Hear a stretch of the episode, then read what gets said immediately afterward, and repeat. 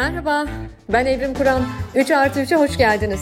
3 artı 3'te konuklarımla birbirimize üçer soru soruyoruz. Keyifli dinlemeler. Herkese merhaba. 3 artı 3'ün yeni bölümüne hoş geldiniz. Bu bölümde konuğum e, bir meslektaşım ve aynı zamanda arkadaşım. Can Selçuki. Can hoş geldin. Hoş bulduk Evrim. Nasılsın? Teşekkürler davetin İyiyim. için. Ben teşekkür ederim davetimi kabul edip geldiğin için. Ee, arkadaşlarımla konuşmayı seviyorum burada. Çünkü e, sen zaten 3 artı 3'ün dinleyicilerinden de birisin biliyorum. Arkadaşlarımla masada yanımızda kimseler yokken en informal şekilde nasıl konuşuyorsak bu yayında da böyle konuşuyoruz. O yüzden seviyorum. Sanırım dinleyici de bu yüzden seviyor. Şimdi ben teamülen azıcık seni tanıtayım. Ondan sonra da 3 artı 3'ün benden gelecek birinci sorusuyla başlayalım. Can için meslektaşım dedim. Ee, evet, Can bir araştırmacı çünkü. İstanbul Ekonomi Araştırma Genel Müdürü, Yönetim Kurulu üyesi, kurucusu. Can, Bilkent Üniversitesi Endüstri Mühendisliği bölümünü tamamladıktan sonra Bocconi'de ekonomi ve sosyal bilimler alanında yüksek lisans yaptı ve e, şu anda da pazar araştırmaları ve büyük veri analizi yapan İstanbul Ekonomi Araştırma Şirketi'nde çalışmalarına devam ediyor. Aynı zamanda Türkiye'de kamuoyu verisinin demokratikleştirilmesi projesi olan türkiyeraporu.com internet sayfasını kurdu. Can, ben de e, bu raporun müşterilerinden ve takipçilerinden biriyim. Merakla bekliyorum her yeni yayınlanan raporu. E, hayatı araştırma, Dolayısıyla bu yayında bakalım nasıl akacak ama galiba bol miktarda araştırma konuşacağız. Türkiye'de çok tartışmaya açılması gereken bir konu e, araştırma konusu. Can doğru anlattın mı seni? Doğru Evrim çok çok da güzel anlattın. Hatta bunu belki internet sayfamıza böyle bir e, tanıtım koymalıyım. Aynı zamanda Can çiçeği burnunda bir baba. Bunu da evet. söylemek lazım. Nasıl gidiyor babalık? Valla fena değil. Ee, yeni yeni karşılıklı etkileşime başladığımız için, yani ilişkimiz yeni başladı açıkçası. İlk başta evrimsel olarak pek babalık bir şey yok. Ama gayet iyi, keyifli bir şey yani. Ee, iyi ki olmuş diyorum. Harika, Allah bağışlasın. Güzel günlerini gör. Daha güzel bir Türkiye'de büyüsün evlatlar inşallah. İnşallah. Peki, o zaman hazırsan birinci sorum geliyor. Tamam, hadi söyle. E, Can e, çok kısa bir süre önce yani bizim bu e, çekimi gerçekleştirmemizin e, e, senin yaptığın çalışmanın üzerinden bir 24 saat geçti ve biz bu çekimi gerçekleştirmek üzere buluştuk. Çok kısa bir süre önce Türkiye'nin geleceğine genç bakış diye bence çok heyecan verici, çok önemli bir araştırmanın lansmanını yaptınız. Ve 18-30 yaş arası Türkiye'li gençlerle, 81 ilden Türkiye'li gençlerle, 3000'in üzerinde gençle Türkiye'nin geleceğine baktınız. Ben tabii ki birinci sorumda bununla başlayacağım. Özellikle bir gençlik araştırmacısı olarak bir miktar bulguları okudum ama şunu çok merak ediyorum. Hep bütün bu istatistiklerden, datadan, bunların içgörüye çevrilmiş hallerinden yola çıkarak cebimizde ne kalır? Yani bu raporu okuyan bir insanın aklında en çok kalması gereken bugün Türkiye'deki gençlerin geleceğe bakışıyla ilgili en çok aklımızda kalması gereken e, nedir diye sorsam bana ne dersin? En temel bulgular nedir? Bunu çok merak ediyorum. Dinleyenlerin de çok merak edeceğini düşünüyorum. Bu aralar çok popüler çünkü gençlerin ne düşündüğü. Ee, üç temel şey var. Hemen söyleyeyim. Birincisi gençler apolitik değil. İkincisi gençler uzaylı değil. Üçüncüsü de gençler umursamaz değil. Tamam açıklayayım bunları. Ee, Harika. formatımızı açıklayabiliyorum. Bu arada şimdi. Tabii tabii açıkla lütfen. Bu arada çok sevindim çünkü e, biliyorsun benim dilimin dilimde tüy bittiğini. Gençler apolitik değil diyorum. Yaklaşık 20 yıldır gençler apolitik değil. Siz sıkıcısınız diyorum. Şimdi bunu bilimsel verilerle bize açıklar mısın? Ya, tam olarak öyle gençler apolitik değil Evrim. E, siz sıkıcısınız hakikaten yani bunu siyasetçilere söylüyorum. Çünkü şöyle e, gençler bir kere yani şu bakımdan ya anti siyasetler ama apolitiklikle karıştırmamak lazım. Ne demek bu? Yani mevcut demokratik siyasetin aktörlerini, pratiklerini, mekanizmalarını aslında gayrimeşru görüyorlar. E, çok açık söylemem lazım. Onlara hitap etmiyor. E, bunun bir parçası olduklarını da düşünmüyorlar zaten. Hani bunu e, destekleyecek hakikaten çok fazla veri var. E, hatta ben e, birkaç veriyle hemen başlasam şey olur mu yoksa e, sıkıcı harika mı olur? olur? Nasıl yapalım? Harika olur, harika olur. Tamam, e, bir dakikanı rica edeceğim. Ha, mesela e, siyasetçilerin siyasetçilerin kendilerini sadece bir oy olarak e, gördüğünü düşünüyorlar. Siyasetçilerin e, günün sonunda sadece kendi çıkarları için her şeyi söyleyebileceklerine e, inanıyorlar. E, ondan sonra e, bakalım başka yani siya, siyasi partilere belirli 10 kurum arasında en son güvendikleri e, kurum tarikatlarken, dini tarikatlarken siyasi partiler en çok en az güvenilen ikinci kurum olarak e, ön plana çıkıyor. Dolayısıyla aslında e, apolitik değiller, anti siyasetler yani mevcut siyasi aktörler, demokratik sistemin mevcut siyasi aktörleri, onların pratikleri, söylemleri bu genç e, yurttaşlar için çok önemli değil. Şimdi ikincisi uzaylı değiller. Uzaylı değil derken ne? Sen bu şeye çok e, maruz kalıyorsundur. Yani bu kuşakla ilgili çok çalışma yapan bir insan olarak belki de benim sana da sorun bu olur. Şimdi böyle bir bir kuşak var ve uzaydan geliyor sanki. İşte özellikle siyasetçi için şöyle bir de rakamları çok büyük ya e, evrim yani 2020'de 13 milyon e, yurttaş olduğu hesaplanıyor yani e, 18-30 yaş arasında aşağı yukarı. Şimdi 13 milyon olunca siyasetçinin aklı şöyle işliyor. 13 milyon ya bunu şu kadarını alsak acayip oy gelir diyor. Tabii hesap öyle değil açıkçası. Çünkü bu gençlerin böyle monoblok halde toplumdan farklı davranmaları için bir sebep yok ortada. Yani bizlerin oturma odalarından, bizlerin sokaklarından, bizlerin mahallelerinden, bizlerin liselerinden, ya bizlerin ya buraların tedrisatından geçip e, bu gençler birey olarak e, topluma e, giriyorlar ve dolayısıyla da e, aşağı yukarı toplumun şeylerini yansıtıyorlar. E, toplumun e, özelliklerini yansıtıyorlar.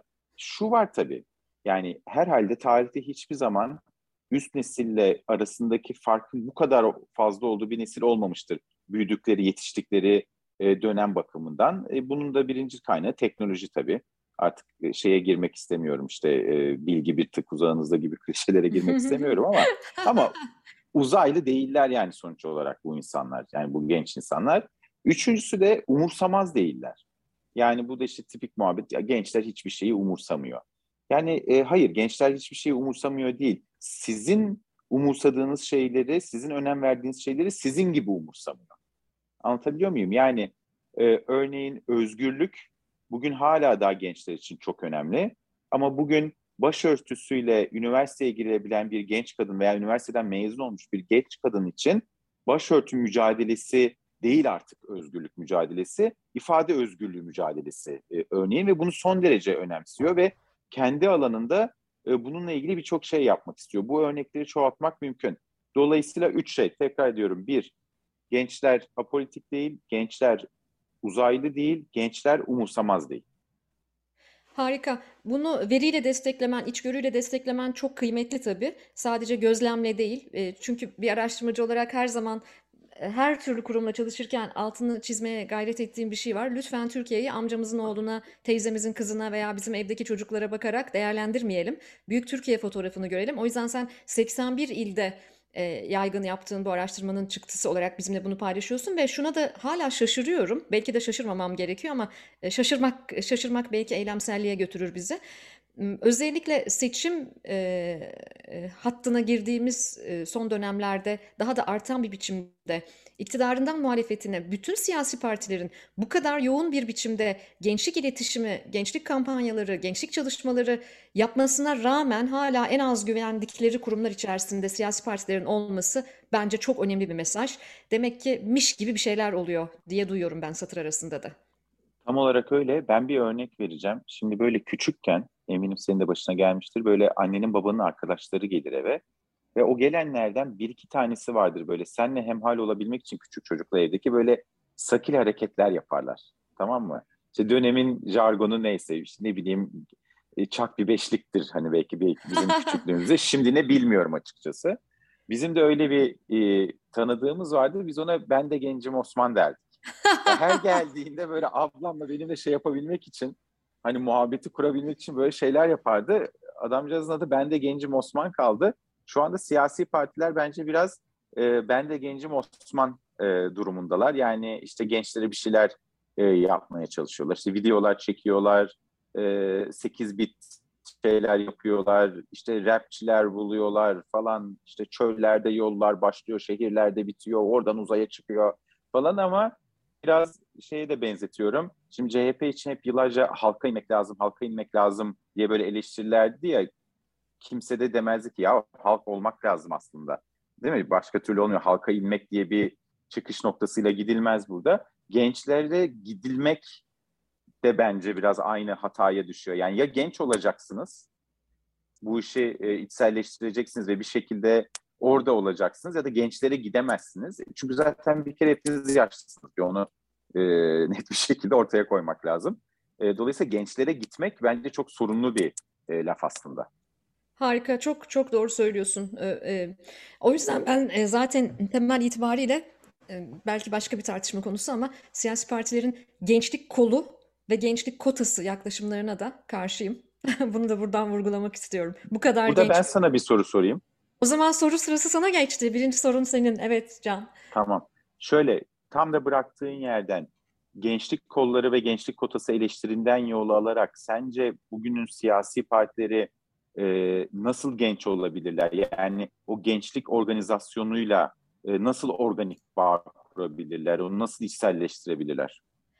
E, bir kere zaten e, aslında şöyle bakarsan ben genel olarak temel itibariyle yaş ayrımcılığına karşı bir kuşak araştırmacısıyım. Yani e, yaşından dolayı özellikle ben gençlerin ve aslında bir miktar yaşlıların da ayrımcılığa çok maruz bırakıldığını düşünüyorum. Ama nasıl genç olabilirler? Bir kere demografiyi iyi tanımak lazım öyle değil mi? Türkiye demografisine bakıldığında ülkede 53 milyon 40 yaşın altında birey varsa eğer 53 milyon altındaki genç insana kota açarak onlara e, eskiden bizim zamanımızdaki ilkokuldaki işte yerli malı kolu gibi işte efendim e, Yeşilay Kızılay kolu gibi kollar kurarak bunu yapmak bana çok anlamlı gelmiyor. E, bence eylemsellik gerekiyor. Eylemsellikte nedir? E, çok net görev vermek, rol vermek, birlikte çalışmak, aynı masada birlikte çalışmak gerekiyor. Yani aslında hem şirketlerde hem siyasi partilerin MYK'larında, parti meclislerinde ve parlamentoda mutlak surette gençleştirmek gerekiyor yapıyı.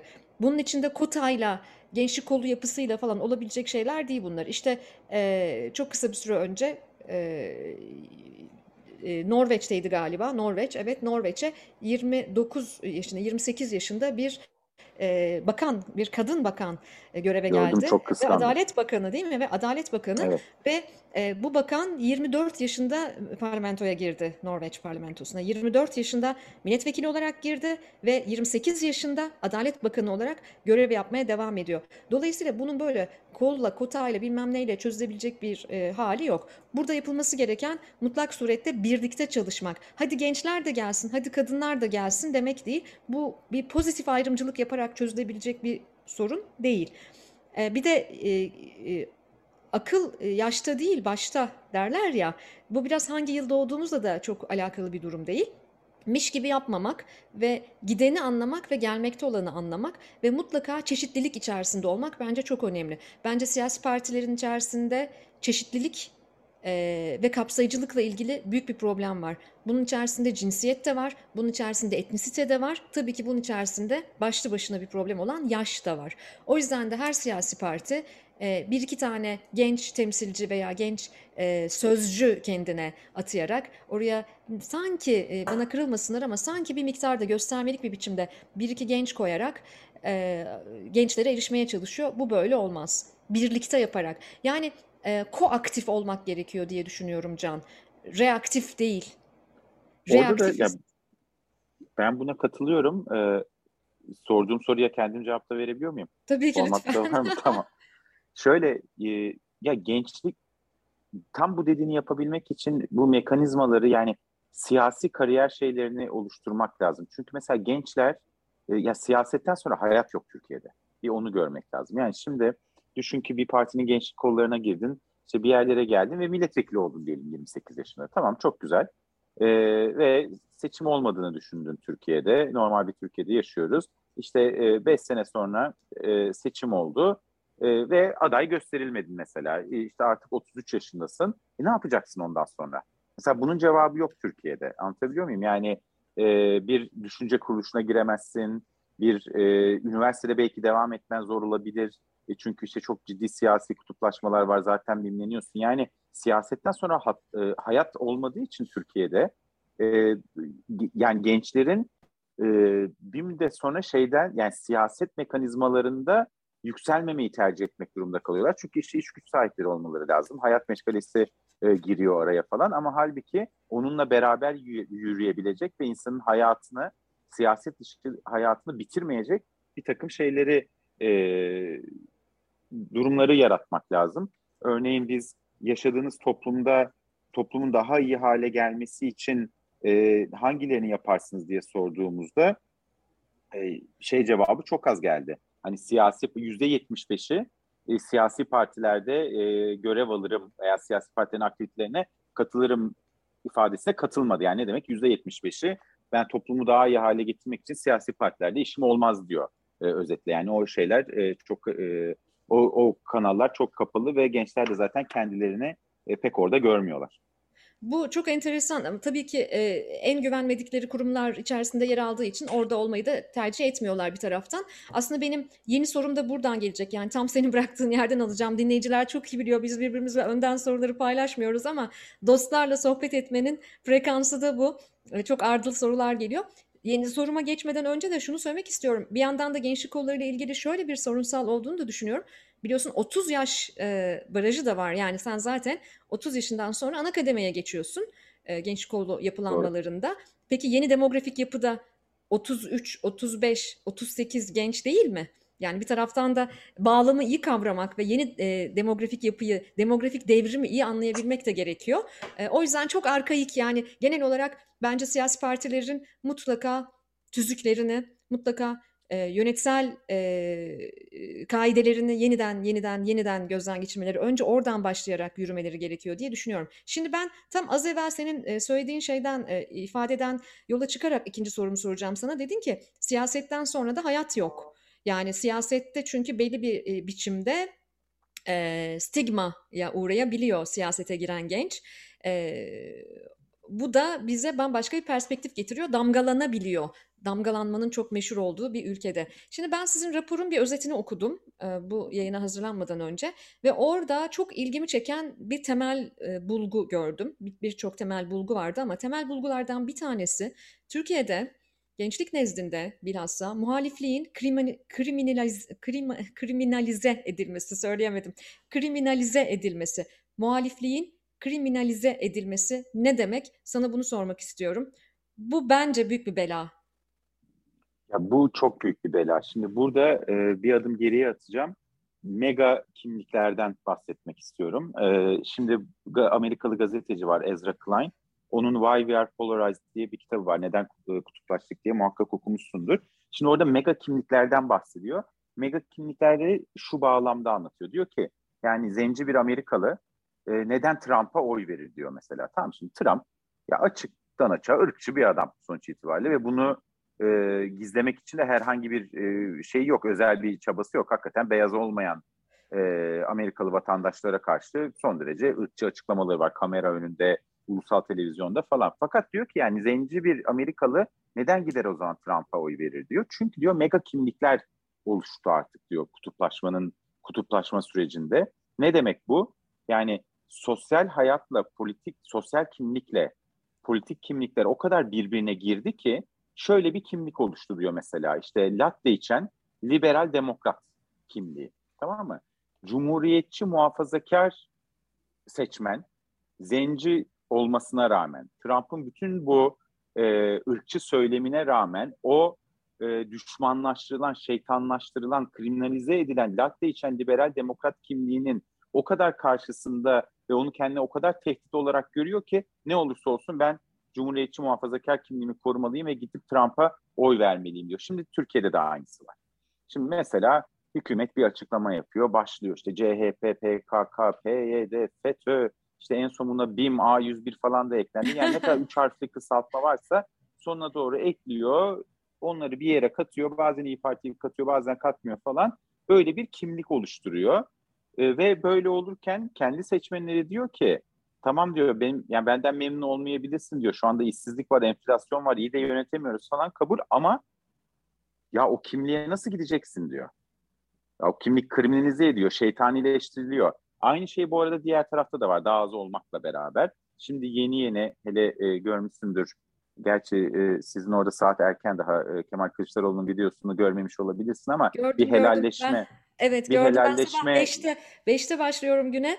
Sözünü balla kestim. Bu sabah beşte o videoyla uyandım. tamam. Yani orada bir helalleşme şeyi yapıyor aslında. Bu e, bu kopukluğu kopukluğa bir köprü oluşturmaya dair bir şey var. Hani orada bir farkındalık olduğunu görüyorum. Çok da memnuniyetle karşıladım açıkçası. E, Türkiye'nin ihtiyacı olan bir yaklaşım diye değerlendiriyorum. Şimdi bu böyle bir kriminalize edilince mega kimlikler üzerinden e, gençler de şeyde yer almak istemiyor tabii.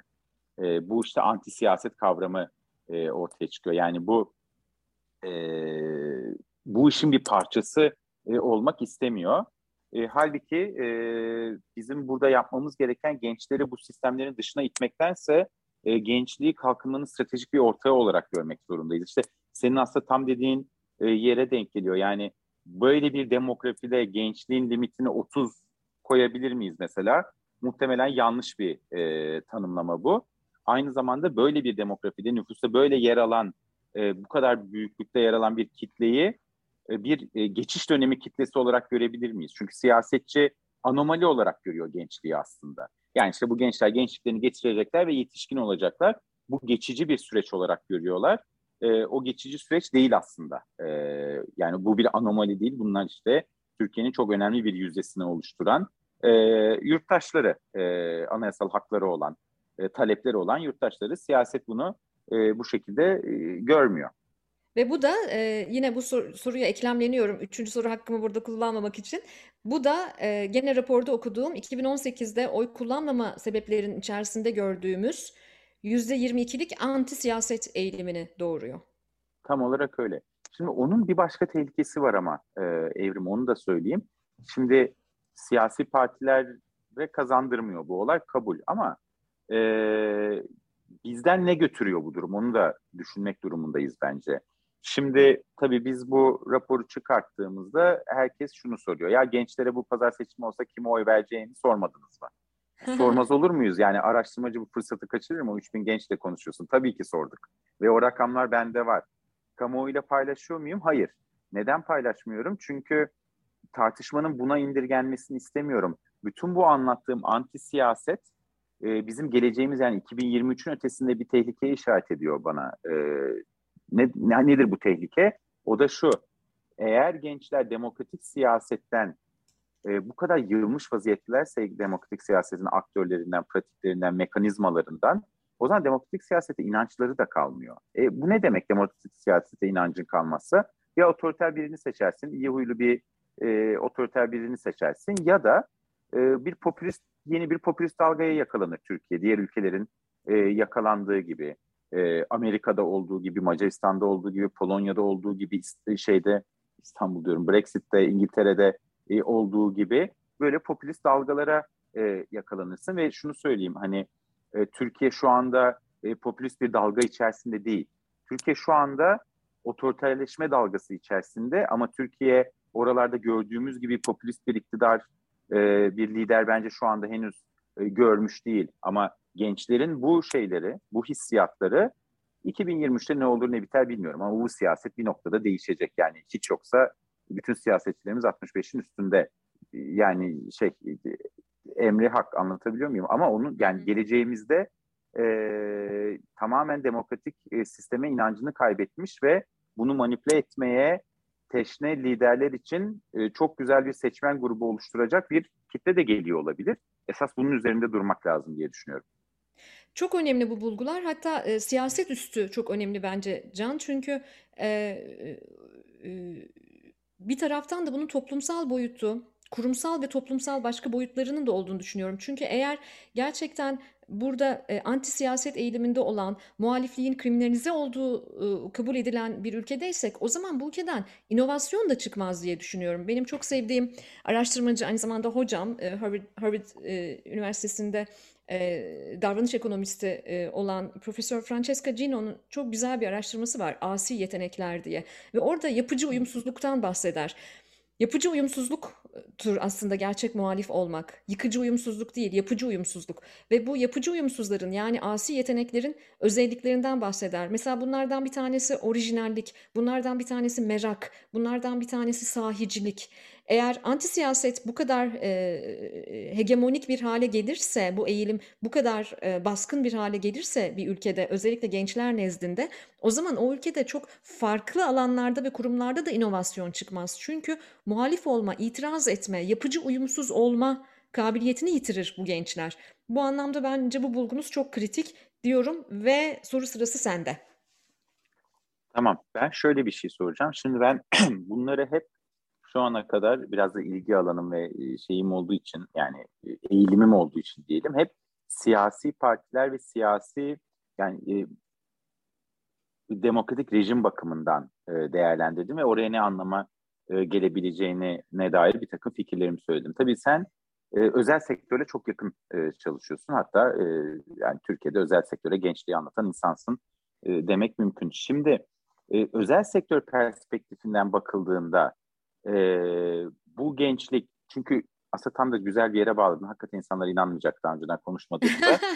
e, yani inovasyonu da insanın içerisinde orijinal olma e, dürtüsünü, bunun sonucunda ortaya çıkabilecek inovasyonu bunları da e, baskılayan bir şey. Şimdi bu e, özel sektör bakımından ne anlama geliyor? İki taraftan söylüyorum. Bir, e, tabii ki de işte bu insanlar bir yerlerde çalışacaklar değil mi? Birincisi bu. İkincisi de yani tüketici e, bakımından da yani tüketici davranışları bakımından da bunun bir e, yansıması olacaktır diye düşünüyorum. Çünkü yani burada yani bu tabloda gelir seviyesi artan bir memleketten bahsetmiyoruz.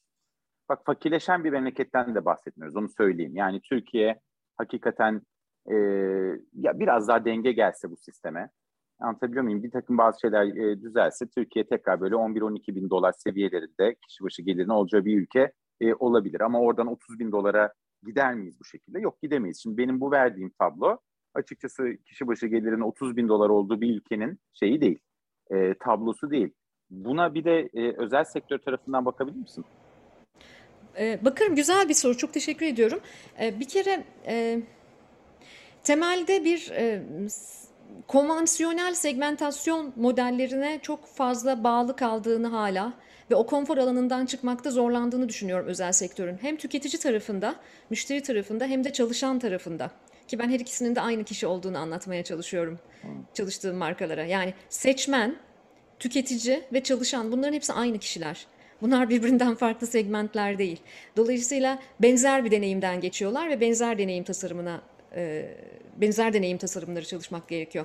Ama e, bu e, tek tipleşme, e, benzerlerimi seçme, e, şirkette e, benim hedef kitlem şu, benim hedef kitlem şöyle bir müşteri, benim gençler içerisindeki hedef kitlem bu. Benim istihdam yaparken, işe alırken de hedef kitlem şu. Ben sadece şu okulların şu bölümlerinden mezun insanları alırım. Sadece müşteride şu sosyoekonomik seviyeye ee, yani ben ki ses segmentasyonuna da uzun yıllardır itiraz eden biriyim. Değişen ekonomik modellerin e, ve dünyanın e, getirdiği bize hal itibariyle.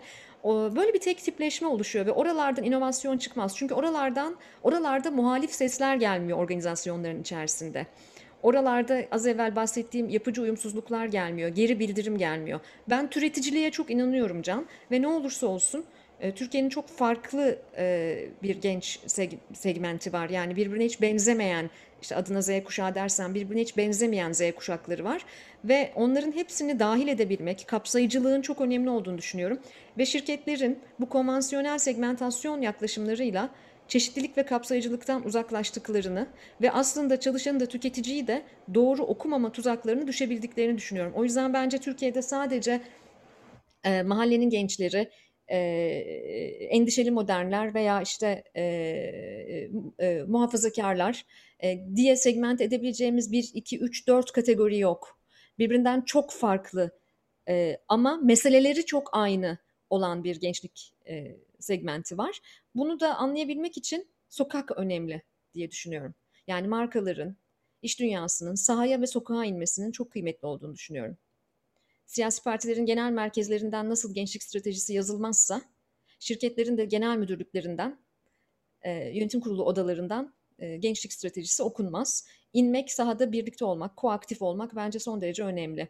Yoksa hep benzer işleri benzer insanlara, benzer insanlarla anlatmaya çalışacağız ve ötekileştirilen ve sistemin dışında bırakılan ayrımcılığa uğrayan kitlelerin, grupların sayısı artacak. Ki bence şu anda öyle. Sizin raporunuzdan da böyle bulgular okudum ben.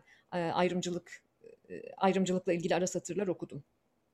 Ayrımcılıkla ilgili ara satırlar var. Ee, bir de şöyle bir e, mesele var.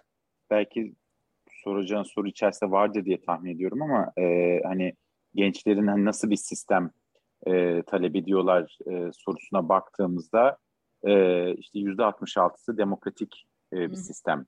Çoğulcu demokratik, katılımcı demokratik bir sistem tercih ediyorlar ve ifade özgürlüğü e, çok ön plana çıkıyor. Şimdi bu tamam güzel ama mesela yüzde 22'si de yüzde 23'ü de e, otoriter bir rejim tercih ediyor mesela. Evet onu gördüm ve bu da çok enteresan. Ee, yine orada da bir e, konfor alanı, belirsizliğe karşı tahammülümüzün düşüklüğü, e, bir takım Tabii. kültürel bariyerlerimiz olduğunu da düşünüyorum. Bir de Türkiye kültürel olarak hem e, belirsizliği kucaklama e, açısından e, açısından çok kuvvetli bir kültür değil. Belirsizliği kucaklamakla ilgili problemlerimiz olan bir kültür. Kuşaktan kuşağa değişmiyor bu. Bir taraftan da güç eşiği yüksek bir kültür. Yani e, dominant lider, uzun boylu lider, baskın lider, bağıran lider, masaya yumruğunu vuran lider e, daha fazla kabul edilir. Güç eşiği, güç aralığı yüksek olan toplumlarda biz ne kadar kuşaklar değişse de, ne kadar teknoloji gelişse de hala bu kültürel öğelerimizi korumaya devam ediyoruz. O yüzden ikinci sırada da e, yüksek bir oranda bence bahsettiğin madde geliyor. Bir de şöyle bir şey var şimdi %66 katılımcı demokrasi diyor, %25 güçlü ve otoriter liderlik diyor. Şimdi bakınca buna tabii ilk okumada şey diyorsun. Ha okey ya tamam hani %66 katılımcı demokrasi istiyor diyorsun. Fena gözükmüyor kabul. Fakat Türkiye'de şunu görmek lazım. Türkiye'de ve başka yerlerde bir parantez açacağım.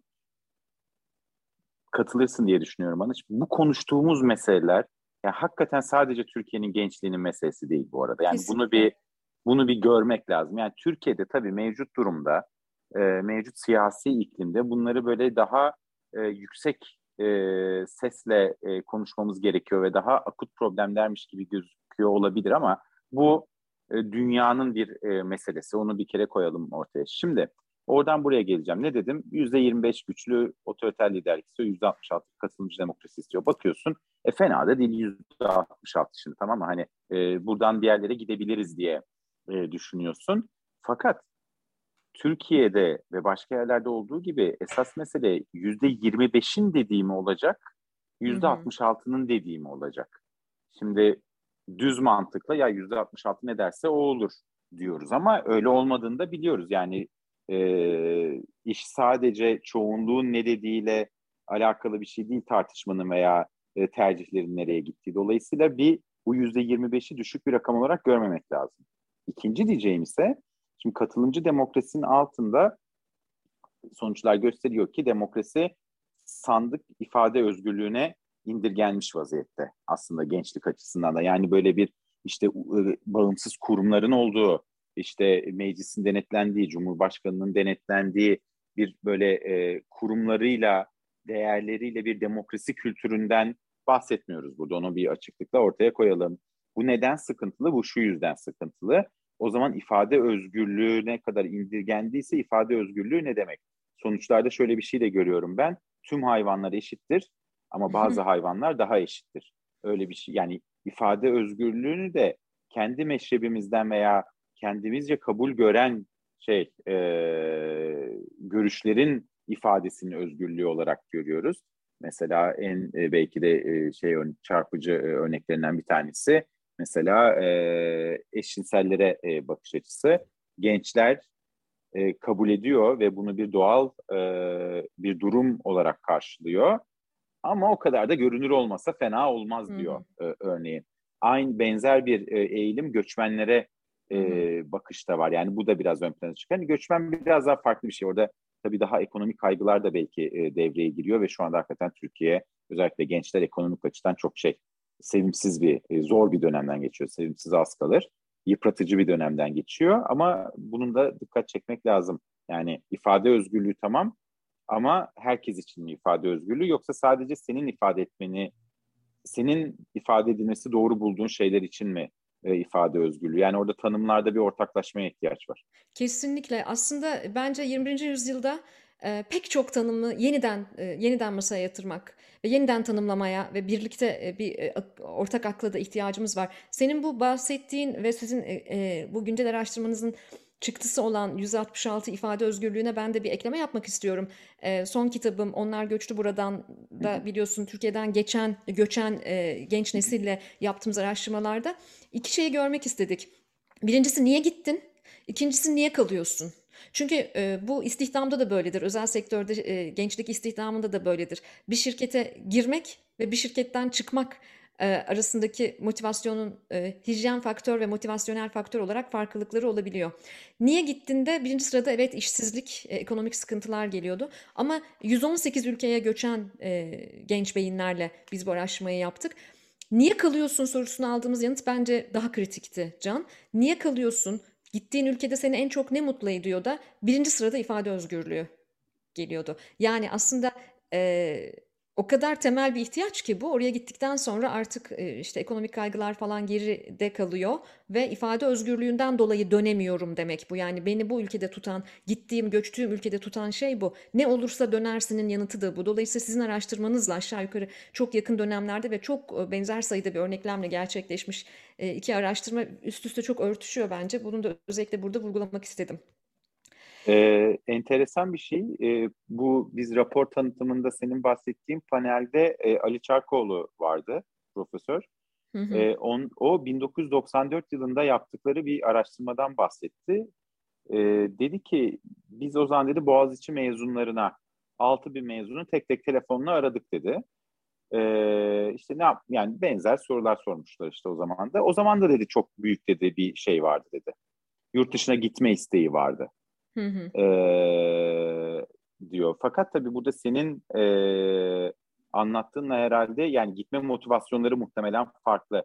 Yani senin bulgularınla e, Ali Hocaların 1994'te yaptığı araştırmanın bulgularını karşılaştırmak da e, enteresan olabilir. Yani o zamanki gitme motivasyonuyla bu zamanki gitme motivasyonu evet. ve kalma motivasyonu. Evet biraz farklı. O yüzden ben yeni bir jargon uydurdum. Göç jargonunda zorunlu göç ve gönüllü göç diye ayrı jargonlar var biliyorsun ama ben zorunlu gönüllü göç diye bir kavram uydurmak zorunda hmm. kaldım. Çünkü e, bu e, e, son dönem özellikle 2018'den sonra ciddi şekilde artan göçte bir zorunlu gönüllülük var. Yani orada enteresan bir, bir, bir tema var. İlginç bir konu bu. Ee, ama araştırmaların birbirini bu kadar desteklemesi de benim e, bir taraftan hoşuma gidiyor. Ve son sorumu tam olarak buraya bağlayacağım. İki soruyu birbirine geçirerek söyleyeceğim. Şu ana kadar güncel araştırmalardan, veriden bahsettik. Türkiye raporunu okuyun, takip edin, abone olun lütfen. Daha fazla gencin, bilginin, datanın demokratikleşmesine de e, destek olun derim ben buradan dinleyicilere. Ama şimdi ben biraz daha genel bir konuya e, geleceğim. O da e, 20 yıllık e, derdim. Ve bir meslektaşımı bulmuşken bunu soracağım. Başlık şu, Türkiye'de araştırmacı olmak. Aslında araştırmacıya nokta nokta koyabiliriz. Türkiye'de herhangi bir şey olmak, herhangi bir şey yapmak biraz kolaylaştı mı? Herkes istediği zaman hemen yarın sabah kalkıp yeni bir meslek edinebiliyor mu bilmiyorum ama Türkiye'de araştırmacı olmakla ilgili bir meselem var. Ee, sen az önce dedin ki e, bize soruyorlar işte e, lansmanımızda da sordular. E, yarın sabah seçim olsa gençler hmm genç seçmen birinci parti olarak kime oy verecek falan diye. Ama sen meselenin bu olmadığını ve bunu da kamuoyuna açıklamak istemediğini, bence çok ahlaklı bir araştırmacılık tutumu ile ifade ediyorsun. Çünkü bence de mesele bu değil. Gerçekten e, mevzuda algıyı kaydıran ve aslında mevzunun gitmesi gerektiği yere gitmesini engelleyebilecek bir hedef saptırma bile olabilir bu. Hatta atalete bile yönlendirebileceğini düşünürüm ben. Hep seninle aramızdaki konuşmalarda da bunu konuşuruz biliyorsun. Bu tarz yarın seçim olsa şu bu o kime oy vereceklerin ben iktidarından muhalefetine siyasi partileri atalete de sevk ettiğini düşünüyorum bir taraftan. E, bu buralardan da yola çıkarak şunu sormak istiyorum. Türkiye'de araştırmacı olmakla ilgili ne hissediyorsun? Nasıl bir şey bu? Her dataya güvenmeli miyiz? Çünkü o kadar çok araştırma raporu geliyor ki şirketler özel sektörde de öyle can biliyorsun. Yani hmm. e, biz şunu araştırdık, biz bunu araştırdık, öyle araştırmayalım, böyle araştıralım, biz sorduk, böyle dediler gibi. E, yani bu noktada da benim aklıma Benjamin Disraeli'nin o meşhur lafı geliyor. Üç çeşit yalan vardır. Yalan, kuyruklu hmm. yalan ve istatistik. o yüzden de araştırmacılık etiği gerçekten gerçekten çok kritik bir konu. Türkiye'de araştırmacı olmakla ilgili hissiyatın ne? Ve buna şunu bağlayacağım. Bana e, pek fazla sayıda genç biz nasıl araştırmacı oluruz? E, bunun bir okulu var mı? Nasıl araştırmacı olunur? Gibi sorular da soruyorlar. Biz ne yapalım diyorlar. E, burada senin görüşlerini almak istiyorum. Türkiye'de araştırmacı olmayı nasıl görüyorsun? Her dataya güvenmeli miyiz? Her araştırma şirketi işini doğru mu yapıyor?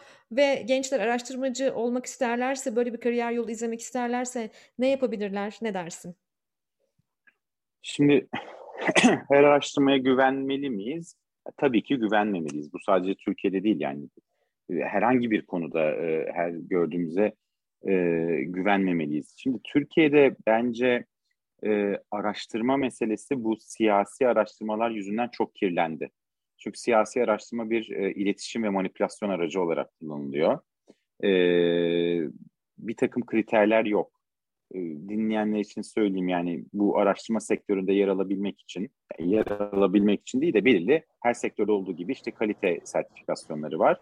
E, fakat bunlar işte gelirler, denetim yaparlar. Bizde de var e, genel çerçeveye bakarlar. Beş tane proje seçerler işte aralarından. Onlar da böyle e, random e, kontroller yaparlar. Genel şeyler olduysa alırsınız iki sene. Arada bir senede ara e, denetim olur gider. Ama tabii şeyleri bilmiyoruz. Yani tamam ben aldım sertifikayı da ondan sonra niyeti bozdum mu mesela. İşte ben her ay siyasi sonuç açıklıyorum. Hani orada bir şey oldu mu? Ee, bunu denetleyecek bir e, kültürümüz yok açıkçası. Neden kültürümüz yok diyorum? Çünkü böyle kanunla falan denetlenecek bir şey değil. Mesela Milliyetçi Hareket Partisi bir kanun e, taslağı getirdi biliyorum. İşte manipülasyon yaptığını e, keşfederse, e, bulursa e, 2 ila 5 yıl hapis var e, araştırma şirketi sahibine. Yani manipülasyon kime göre, neye göre? Ya ben yanlış ölçtüysem, kötü bir araştırmacıysam bir daha ürünümü almazsın mesela ama şimdi kötü yemek yaptı diye restoranın sahibini hapse göndermiyoruz mesela değil mi? İşte gidiyoruz e, yemek sepetinde kötü puan veriyoruz veya bir daha o restorana gitmiyoruz falan filan. E, burada bence şöyle bir şeye ihtiyaç var Evrim. E, bunu çok canı gönülden destekliyorum e, gerçekten. E, akademisyenlerin, araştırma şirketleri temsilcilerinin e, belki e, işte bilmiyorum belki bir TÜİK temsilcisinin de olduğu bir e, bir kurul oluşturulmalı ve kamuoyuyla paylaşılan siyasi ve sosyal anket sonuçlarının e, na bunlar onay vermeli. Şöyle yapılışı bakımından onay vermeli. Ve ama burada olay sadece araştırma şirketleriyle de bitmiyor. Medya da bu işin içine girmeli. İşte araştırma kurulundan onay almayan e, sonuçları biz yayınlamayacağız diye bir e, ortak e, şey koymalı, bir duruş e, göstermeli. Ama bunun olması imkansız. Çünkü medya, bağımsız medya yok. Yani herkesin bir tarafı var. E, ve herkesin bir tarafı var. Bir kere onu e, açıklıkla söyleyeyim ve herkes de e, kendi tarafına daha uygun e, sonuçları yayınlamayı tercih ediyor. Çünkü burada da şöyle bir şey var. Bağımsız olmak artık para kazandıran bir şey olmaktan çıkmaya başladı. Şimdi hmm. öyle olunca ben bağımsızım, ben çok iyi araştırma, siyasi araştırmalar için söylüyorum bunu, diğerleri için söylemiyorum. Ben çok iyi işte bağımsızım, işte şöyle ahlaklıyım, böyle etiyim. E, para para nereden olacak? Yani etik etik olduğunu diye kimse para vermiyor açıkçası. Burada Yo, diğerleri söylemek... için de geçerli olabilir bu bu arada. Ben de hani masanın e, öbür tarafındaki Eyvallah. diğer araştırmalar için de aynı şeyi söyleyebilirim. Çünkü e, tüketiciye, müşteriye, marka sahibine bu araştırmayı satıyorsun.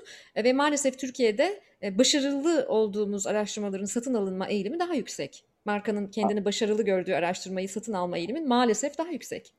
Kabul ama orada en azından şöyle bir şey var. Siyasette hiçbir performans değerlendirmesi olmadığı için özel sektörde biraz daha performans değerlendirmesi evet. var. Eğer sen bir araştırma yapıp da onu mavi değil yeşil yap dediğinde o yeşil satmıyorsa adam dönüp sana der ya Evrim Hanım oturduk araştırma yaptık yeşil dedim bize yeşil yaptık. Bu niye böyle olmuyor? Bak karşı taraf mavi satıyor. Şimdi siyasette böyle de bir şey yok.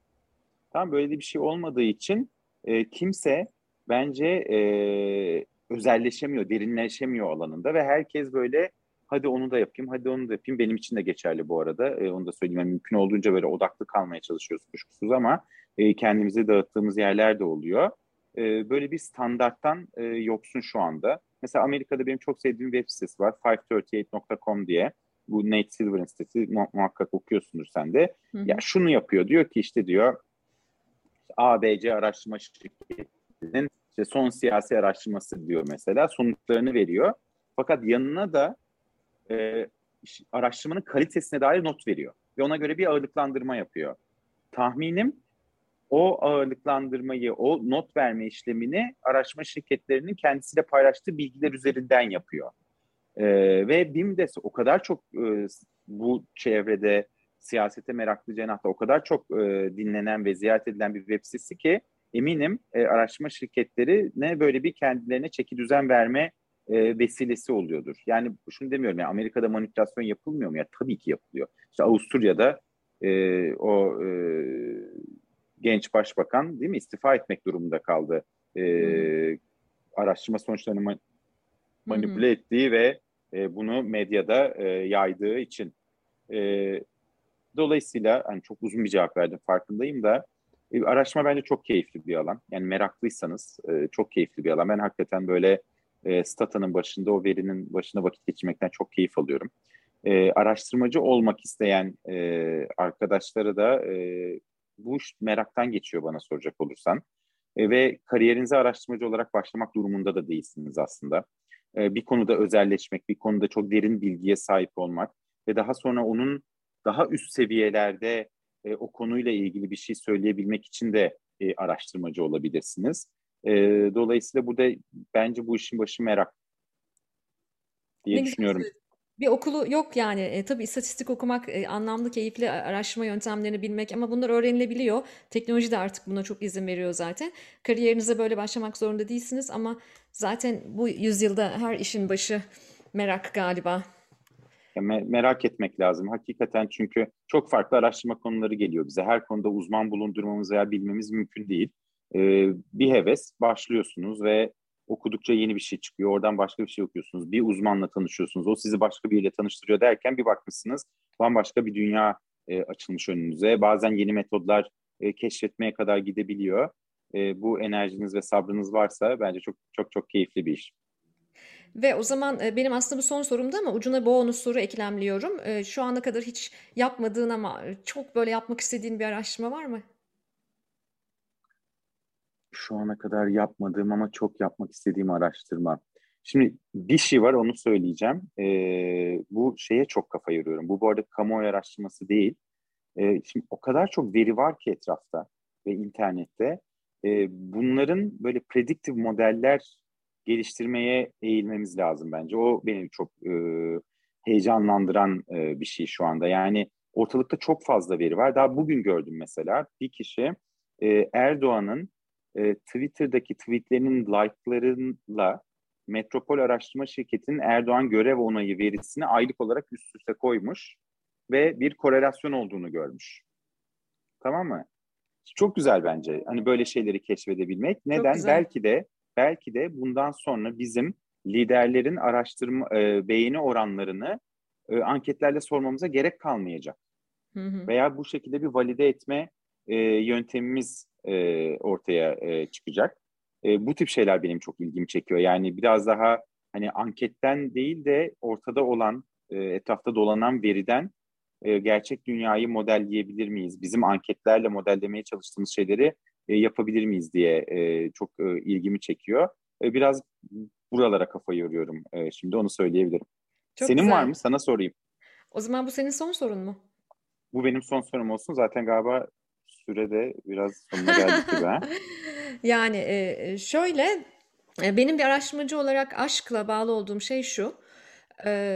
Veriyi içgörüye, içgörüyü de eyleme çevirmek. Yani ben sadece e, veriyi e, işte bir miktar içgörüye çevirmiş haliyle bırakmayı sevmiyorum. Dolayısıyla actionable insight yani eyleme hmm. çevrilebilir içgörü e, benim benim için yaptığım işteki ulvi amaçlardan biri. Buna çok önem veriyorum. E, şu ana kadar pek çok e, kendi alanımla ilgili yani özellikle gençlikle ilgili biliyorsun pek çok farklı araştırmalar yaptım. Çalışmadığım, araştırma yapmadığım, içgörü sağlamadığım herhangi bir sektör yok. Ama Türkiye'deki tabu konulara eğilmeye başlamak istiyorum.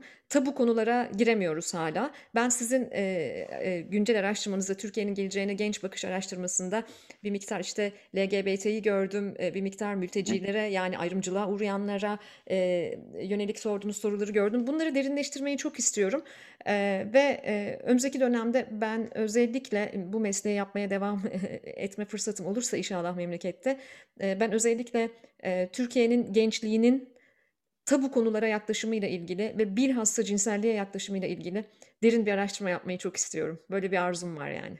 Umarım beraber yaparız. Çünkü burada ortak gelecek inşasından bahsediyorsun. O ortak evet. gelecekte beni çok e, heyecanlandıran, ilgilendiren bir konu. E, geldiğinde beraber yaparız inşallah.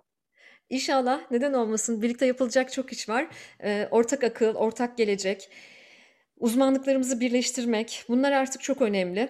E, işbirliğine çok önem veriyorum. O yüzden de seninle her zaman sohbet etmek, meslektaşım olarak bir araya gelmek, e, fikir açıcı e, masalarda oturmak beni çok besliyor. Bunun için sana ayrıca çok teşekkür ediyorum. Çünkü ben teşekkür ederim karşılıklı. E, bir de şöyle bir şey var ki iki araştırma şirketi sahibi, iki araştırmacı olarak e, biz Can'la hiç rakip olmadık. Bilakis birbirimizi bende bu var, sende ne var, şunlar üst üste geliyor mu, nasıl yapalım, buradan ne çıkarı e, gönül rahatlığıyla yapabiliyoruz. Bu benim çok hoşuma gidiyor.